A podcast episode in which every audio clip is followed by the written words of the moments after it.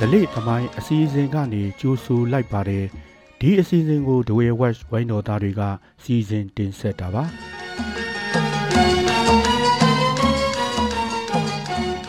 ဒီတစ်ပတ်မှာတော့စာရေးသူဆရာဇော်စိတ်ပညာရဲ့တကပောက်များနဲ့နေပြည်တော်ဆောင်းပါးကို တင်ဆက်သွားမှာပါဒီဆောင်းပါးကိုဒဝဲဝက် website စာမျက်နှာမှာ2015ခုနှစ်ဇွန်လ17ရက်နေ့ကတင်ဆက်ထားခဲ့တာဖြစ်ပါတယ်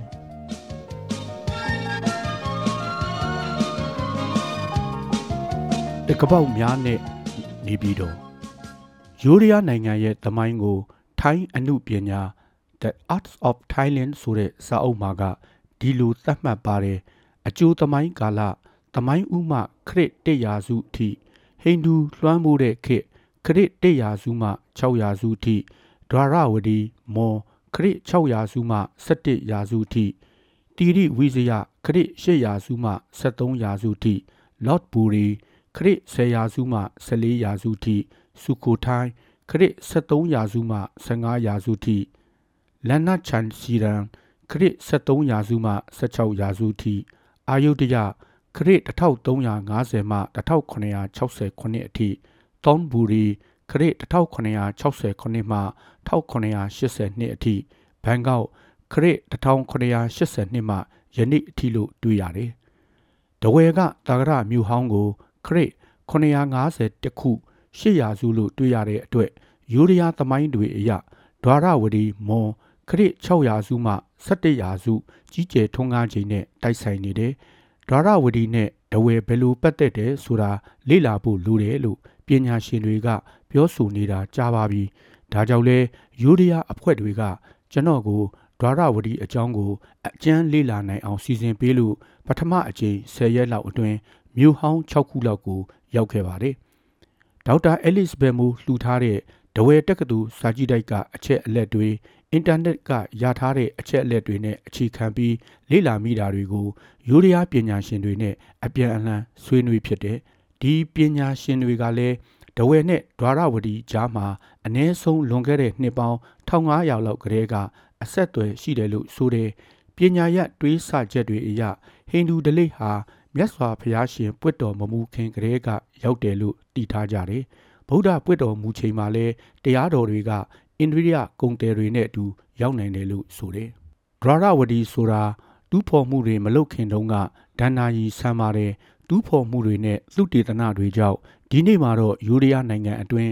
ဒရရဝတီဆိုတာကိုလက်ခံခဲ့တယ်။ဒရရဝတီယဉ်ကျေးမှုကိုယနေ့ယူရီးယားနိုင်ငံအလဲပိုင်းမှာအခြေတည်ပါတယ်သုတေသနတွေအရ ဒွါရဝတီခေတ်ရှေးရင်ကြီးမှုနေရာပေါင်း20ကျော်ကိုသတ်မှတ်ခဲ့တဲ့ဒွါရဝတီရဲ့အဓိကမြို့တော်ကတော့ဥထောင်မြို့ဟောင်းဖြစ်ခဲ့ပြီးနောက်ပိုင်းမှာ Rock Buri နဲ့နခုံပထုံပရပထုံမြို့ဟောင်းတွေဖြစ်ကြောင်းတွေ့ရတယ်။ဒွါရဝတီနယ်မြေတွေအဖြစ်ချောင်းဖရားမြစ်ဝမ်းဒေသတွေမိကလောင်မြစ်ဝမ်းဒေသတွေအပါအဝင် မြောက်ဘက်ဆိုရင် Harry ပုံစနအရှိမြောက်ဆိုရင် ဖာရက်မြို့ဟောင်း တောင်ဘက်ဆိုရင်ကူပွားအနောက်ဆိုရင်တနင်္သာရီရိုးမအရှိဆိုရင် ထိုင်းပင်လယ်ကွေ့တွေဖြစ်တယ်။ယူရီးယားနိုင်ငံစူဖန်ဘူရီခရိုင်အတွင်းရှိဥထောင်မြို့ဟောင်းဟာချောင်းဖရားမြို့ဟွမ်ဒေသမှာရှိတယ်။ဥထောင်မြို့ဟောင်းဟာဘဲဥပုံတရံပုံစံရှိပြီးတောင်မြောက်9550ပေရှိပြီးအနံ2960ပေရှိတယ်။တက္ကတာဘာသာနဲ့ရေးထားပြီးစာကြောင်း6ကြောင်းပါ အလျား16လက်မှအနံ12လက်မှရှိကြေးပြားတွေရဘူးတယ်။ ဥတောင်ပြတိုက်မှာဆိုရင်ဟိန္ဒူဒလိဖူမအင်္ဂါလက္ခဏာကြောက်ပြားတွေတွေ့ရတယ်။ငကွင်းကြီးတွေနဲ့လူရုပ်တွေဟာလက်ရမြောက်လာတယ်။ဗုဒ္ဓရုပ်ပွားတော်အမျိုးမျိုးတွေ့ရပြီးဒွါရဝတီဟန်ဆိုပြီးတိသက်သတ်မှတ်ပါတယ်။အထူးသဖြင့်ဓမ္မစကြာအမှတ်သားဖြစ်တဲ့တရားပြီး Wheel of the Law ကိုလည်းတမင်ယုံတဲ့တကွလေ့လာတွေ့ရှိရတယ်။ဒီတရားပြီးကိုနှခုံပခုံမှာတွေ့ရတယ်လို့ဆိုတဲ့ခေတ်ကာလကခရစ်900စုလို့သတ်မှတ်တယ်။ ဥထောင်ဒေသမှာရောမခေတ်ဒင်းကားတွေလည်းတွေ့ရတယ်။1943ခုနှစ်မှာနော်ဟင်းကျေးရွာရှိဇီဒီပြက်ကနေဒင်းကားပြားနှစ်ပြားရရှိခဲ့တယ်။ဒင်းကားပြားတစ်ပြားမှာနမကြီးကနွားလေးကိုနိုးတိုင်နေပုံပါတယ်။အခြားတစ်ဖက်မှာစာပါတယ်။ဒီဒင်းကားကိုဘယ်သူမှတတိမပြုတ်ခဲ့မိဘူး။1963ခုနှစ်ရောက်မှဂျော့ဆေဒီကဘာသာပြန်ပေးတယ်။ ခရစ်900စုနောက်ပိုင်းဒါမှမဟုတ်800စုအစောပိုင်းမွန်အခရာနဲ့ရှယ်ရီဒရာရဝတီဝါသပုံညဖြစ်ပြီးကြက်တီမင်္ဂလာအပေါင်းနှင့်ပြည့်စုံသောဒွါရဝတီပြည့်ရှင်ဤအလှူးလို့အတိပယ်ရတယ်။ကံချနာဘူရီခရိုင်အတွင်းကမိကလောင်မြစ်အနောက်ဘက်ကမ်းမှာရှိတဲ့ပေါင်တုတ်ဆိုတဲ့ကြီးရွာရှိငပြောတော်အတွင်းကနေရောမခစ်လက်ရာကြီးမိခွက်တွေ့ရတယ်။ဒီကြီးမိခွက်ကငှဲ့ရုပ်ပုံစံရှိပြီးအမီးကထမ်းရွက်လိုဝိုင်းနေတယ်။ တရုတ်မှတ်တမ်းတွေအရခရစ်200စုလောက်မှာရောမတန်ဖွဲ့တွေကုန်းလန်းအတိုင်းရောက်တယ်လို့ဆိုတယ်။ပေါင်တုတ်ရောမမိခွက်ဥထောင်ရောမဒင်းကားတွေဆိုရင်ဒီတန်အဖွဲပိုင်ဖြစ်နိုင်တယ်လို့ဆိုတယ်။တရုတ်မှတ်တမ်းတွေအရခရစ်600စုမှ900စုတွင်ပြူနိုင်ငံသို့မဟုတ်ပြူခေတ်မြန်မာနိုင်ငံရဲ့အရှိဘက်အိန္ဒိချင်းနိုင်ငံကကျန်းလတ်သို့မဟုတ်ခမာနိုင်ငံကမ်ဘောဒီးယားနိုင်ငံဖြစ်တယ်။ဒီနှစ်နိုင်ငံကြားမှာဒွါရဝတီရှိတယ်။ ပြူနိုင်ငံရဲ့အရှိတောင်ဘက်နယ်ချင်းကပ်လျက်ရှိတယ်လို့ဆိုတယ်။တရုတ်မှတ်တမ်းတွေအရဒွါရဝတီကိုတိုလိုပိုတီဒါမှမဟုတ်ဒေါ်ဒေါ်လောဆိုပြီးတွေ့ရတယ်။တရုတ်မှတ်တမ်းတစ်ခုဖြစ်တဲ့ထံမင်းဆက်သမိုင်းသစ်ခရစ်681 900ခွန်မှာပြူနိုင်ငံသည်ရုံချမ်းတောင်ဘက်လီပေါင်း2000မိုင်ပေါင်း900နီးပါးခတ်တွင်တည်ရှိ၏ထံမင်းဆက်မြို့တော်နှင့်လီပေါင်း14000မိုင်ပေါင်း4900နီးပါးခတ်ကွာဝေးသည်အရှိဘက်တွင်ဂျန်လော့ ကုန်းမြစ်ပိုင်းရှိ၏အနောက်ဘက်တွင်အရှိအိန္ဒြိယရှိသည်အနောက်တောင်ဘက်တွင်ဒွါရဝတီရှိ၏တောင်ဘက်တွင်ပင်လယ်ရှိ၍မြောက်ဘက်တွင်နန်စောရှိ၏လို့ဆိုတယ်ဒီဖော်ပြချက်တွင်ဆရာကြီးဦးရီစိန်အလိုအယအနောက်တောင်ဘက်အစားအရှိတောင်လို့အမှားပြင်ပါတယ်။ယင်းထံမင်းဆက်သမိုင်းတစ်မှာပဲဒွါရဝတီအကြောင်းဖော်ပြချက်ရှိတယ်။ဒွါရဝတီမှာလဲအောက်ခံ နေနှစ်နေရှိတယ်။တစ်ခုမှာထန်လင်းဖြစ်၍အခြားတစ်ခုကထောဟန်ဖြစ်၏။ထန်လင်းသည်ပင်လယ်ကျွန်းတွင်တည်ရှိ၏။ထောဟန်ကိုနုထောဟန်လို့လဲခေါ်၏။ဟွမ်ဝမ်စံပါဤအနောက်ဘက်ပင်လယ်တွင်ရှိ၏။ဒွါရဝတီနှင့်နေမီဆက်ဆက်ဤလို့ဖော်ပြပါတယ်။ခမာတီစံပါထော်ဝမ်တို့နှင့်အကြိမ်ပေါင်းများစွာစစ်ဆင်ခဲ့သည်လို့လည်းပါတယ်။ထန်လင်းဆိုတာပကိုးလို့ပြောတယ်။ကျွန်တော်တို့သိတဲ့ တန်လိုင်းတလိုင်းဆိုတာပါပဲ။တဝဲမှာတလိုင်းတောင်တလိုင်းမှတလိုင်းရှောင်းတလိုင်းရာတွေဆိုတာရှိနေတယ်။ဒီတလိုင်းဆိုတဲ့စကားကနှစ်ပေါင်းထောင်ချီရှိနေခဲ့ပါတယ်။ဥဒ္ဒါပကိုးလို့လည်းခေါ်တယ်။ဒီနောင်မယ်ကတီလင်ကကလိန်ကကဆင်းတဲ့ကြောင်တွေ့ရတယ်။ဒဝယ်မြောက်ဘက်မှာရှိတဲ့ကလိန်အောင်ဆိုတဲ့မြို့ဟောင်းကစဉ်းစားစရာပါထော်ဝမ်ရဲ့ရှေးဟောင်းအတန်ထွက်က DA VAN နဲ့နီးစပ်တယ်ဒီနေရာက ဒရာရဝတီနဲ့နေမီဆက်ဆက်တယ်လို့ဆိုတယ်ဒါကြောင့်ဆရာကြီးဦးရီစိန်ကထော်ဝမ်ဆိုတာဒဝယ်ထော်ဝယ်ဖြစ်ရင်တင့်မယ်လို့ဆိုတယ်ဆွေမင်းဆက်သမိုင်းခရစ်981 618မှာလဲချီယန်ထော်ဝမ်ဆိုပြီးဖော်ပြပါတယ်ပကံပြတိုက်ရှိကြောက်စာတိုင်းအမှတ်95ဖြစ်တဲ့ယူရီးယားတိုင်းကြောက်စာမှာဒဝယ်မြို့ MAUN DAVA YAH လို့ရေးကြောင်းသိရတယ်။ဒရဒဝတီကို ပြန်စင်းစားရင်မွန်တွေရဲ့တိုင်းပြည်အဖြစ်လက်ခံထားတယ်။ AD ၈ရာစုလက်ရလို့သတ်မှတ်ထားတဲ့ Lord Buri ကြောက်စာဟာရှစ်မြောက်ပုံစံရှိပြီးထင်ရှားတယ်။ရှေးဟောင်းမွန်စာဖြစ်တယ်။ AD 900စုလို့သတ်မှတ်တဲ့မွန်ကြောက်စာအပိုင်းနှစ်ခုကိုပရပထုံမှာတွေ့တယ်။တက္ကတဘာသာနဲ့ရေးသားထားတဲ့ကြီးနီပြားတွေကိုလည်း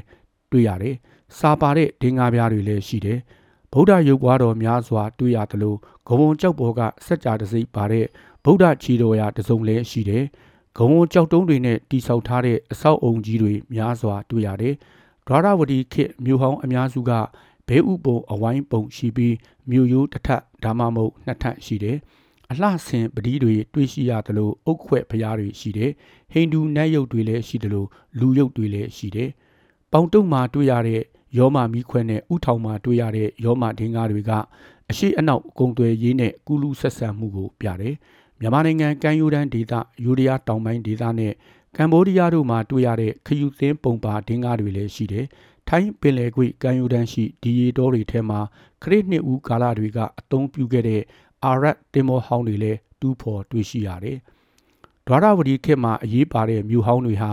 မိကလောင်မြစ်နဲ့ချောင်ဖရာမြစ်ဝမ်းဒေသတွေမှာတည်ရှိတယ်။ မိကလောင်မြစ်ကဖျားသုံးစုတောင်ကြားလန်းအနီးတနင်္သာရီရိုးမာမှာချောင်းဖျားခံပြီးထိုင်းပင်လယ်ကွေ့တွင်စီဝင်တယ်။ဒီမြို့တွေကတနင်္သာရီရိုးမာနဲ့ကံယူတန်းအကြားမှာတည်ရှိတဲ့မြစ်ချောင်းတွေကိုစီမံပြီးကုန်သွယ်ရေးစစ်ရေးနိုင်ငံရေးစတဲ့အရာတွေကိုအသုံးချခဲ့တယ်။တနင်္သာရီရိုးမနဲ့ပင်လယ်ကြားရှိဒဝယ်မြဝန်းဒေသတတနင်္သာရီမြဝန်းဒေသတွေမှာကောဘယ်လိုအသုံးချခဲ့လဲဆိုတဲ့မိကွန်းပေါ်လာတယ် ပထဝီအနေအထားအရမလေးကျွန်းဆွဲအရှိဘက်ချမ်းနဲ့ယူရီးယားပင်လယ်ကွေ့ယူရီးယားအလဲပိုင်းမှာလွန်ခဲ့တဲ့နှစ်ပေါင်း1500လောက်ကယဉ်ကျေးမှုအစစ်တမ်းမြစ်ပြီးကြီးကျယ်တဲ့ယဉ်ကျေးမှုကြီးထွန်းကားခဲ့တယ်။မလေးကျွန်းဆွဲအနောက်ဘက်ချမ်းတနင်္သာရီတိုင်းဒေသကြီးမှာကောဘလို့ထွန်းကားခဲ့လဲ။ဒီဒွါရဝတီကိုဟိန္ဒူယဉ်ကျေးမှုဗုဒ္ဓယဉ်ကျေးမှုဘလို့ရောက်လဲ။မိကွန်းတွေအများကြီးနဲ့လေ့လာစရာအများကြီးပါ။ကျွန်တော်ရဲ့ ယူရီးယားသွားတော်လာဆောင်းပါဖတ်ပြီးအက်ဒီတာနဲ့ဦးလေးတယောက်ကမေးပါတယ်။ဆောင်းပါဆုံးခါနီးမှာခင်များငိုင်သွားတယ်လို့ဆိုပါတယ်။ဘာလို့ငိုင်သွားတာလဲလို့မေးပါတယ်။ကျွန်တော်ငိုင်ရတဲ့အကြောင်းအရင်းများစွာရှိပါတယ်။အဓိကအချက်ကယူရီးယားသမိုင်းကိုစာတွေ့ပဲဖတ်ဖူးယုံကနေလက်တွေ့လေ့လာတဲ့အခါအောသွားတယ်။ပကံအန်ကောဝတ်တွေတာမကရခိုင်မွန်ဒေတာတွေရှိရှေးလက်ရအဆောက်အုံတွေနဲ့ရှင်းကြည့်မိတယ်။ တနင်္သာရီတိုင်းအတွင်းမှာဂဝွန်လက်ရအဆောက်အုံကြီးအဖြစ်ဂုံယူစရာကတနင်္သာရီမြို့ဟောင်းနဝထဖျားတောင်တနေရာပဲတွေ့ဘူးပါတယ်ဒွါရဝတီနဲ့ရှင်ပြောဖို့ခက်ခဲတယ်ရှာမတွေ့တာလားမရှိတာလားရှိရင်လည်းအသစ်ပြင်လိုက်လို့ပြောင်းသွားပြီလားဂုံဝုံအဆောက်အုံကြီးတွေကြောက်အဆောက်အုံကြီးတွေဘယ်ရောက်နေလဲစစ်ပွဲတွေတိမ်များလို့ပြတ်သွားလားသေဝါပေါ်လွန်းလို့ဂုံဝုံနဲ့ကြောက်မတုံးတာလားယူရီးယားတွေလို့ကြွားခြင်းတယ်ပြီးတော့နောက်တစ်ချက်ကယူရီးယားတွေရဲ့သမိုင်းကို ထိမ့်သိမ့်တန်ဖိုးထားပုံမှာလူနေရက်ွက်ထဲမှာရှိတဲ့ရှီးလဲရာတွေကိုခြံစည်းရိုးခတ်တက်ဆိုင်ရာအကြောင်းအရာကိုဆိုင်းဘုတ်ထောင်တူးဖော်ရှင်းလင်းပြီးလေ့လာနိုင်အောင်လုပ်ထားတယ်တက်ဆိုင်ရာပြတိုက်တွေလေ့လာရေးဌာနတွေဖွင့်ပေးထားတယ်စာအုပ်စာတမ်းတွေလက်ကမ်းစာဆောင်တွေလမ်းညွှန်တွေအလွယ်တကူရတယ်ကျောင်းသူကျောင်းသားတွေသာမကပြည်သူတွေနဲ့စီနေတယ်အများကြီးပါလှုပ်ရှားတွေများလုံးလို့နိုင်သွားတာပါဒီတစ်ပတ်နားဆင်ခဲ့ရတာကတော့ စာရေးသူဇေယျဇောစိတ်ပညာရဲ့တကပောက်များနဲ့နေပြီးတော့ဆောင်းပါဖြစ်ပါတယ်အခုလိုနားဆင်ပြီးခဲ့တဲ့အတွက်ဒဝဲဝက်ဝိုင်းတော်သားများကအထူးကျေးဇူးတင်ရှိပါတယ်ခင်ဗျာ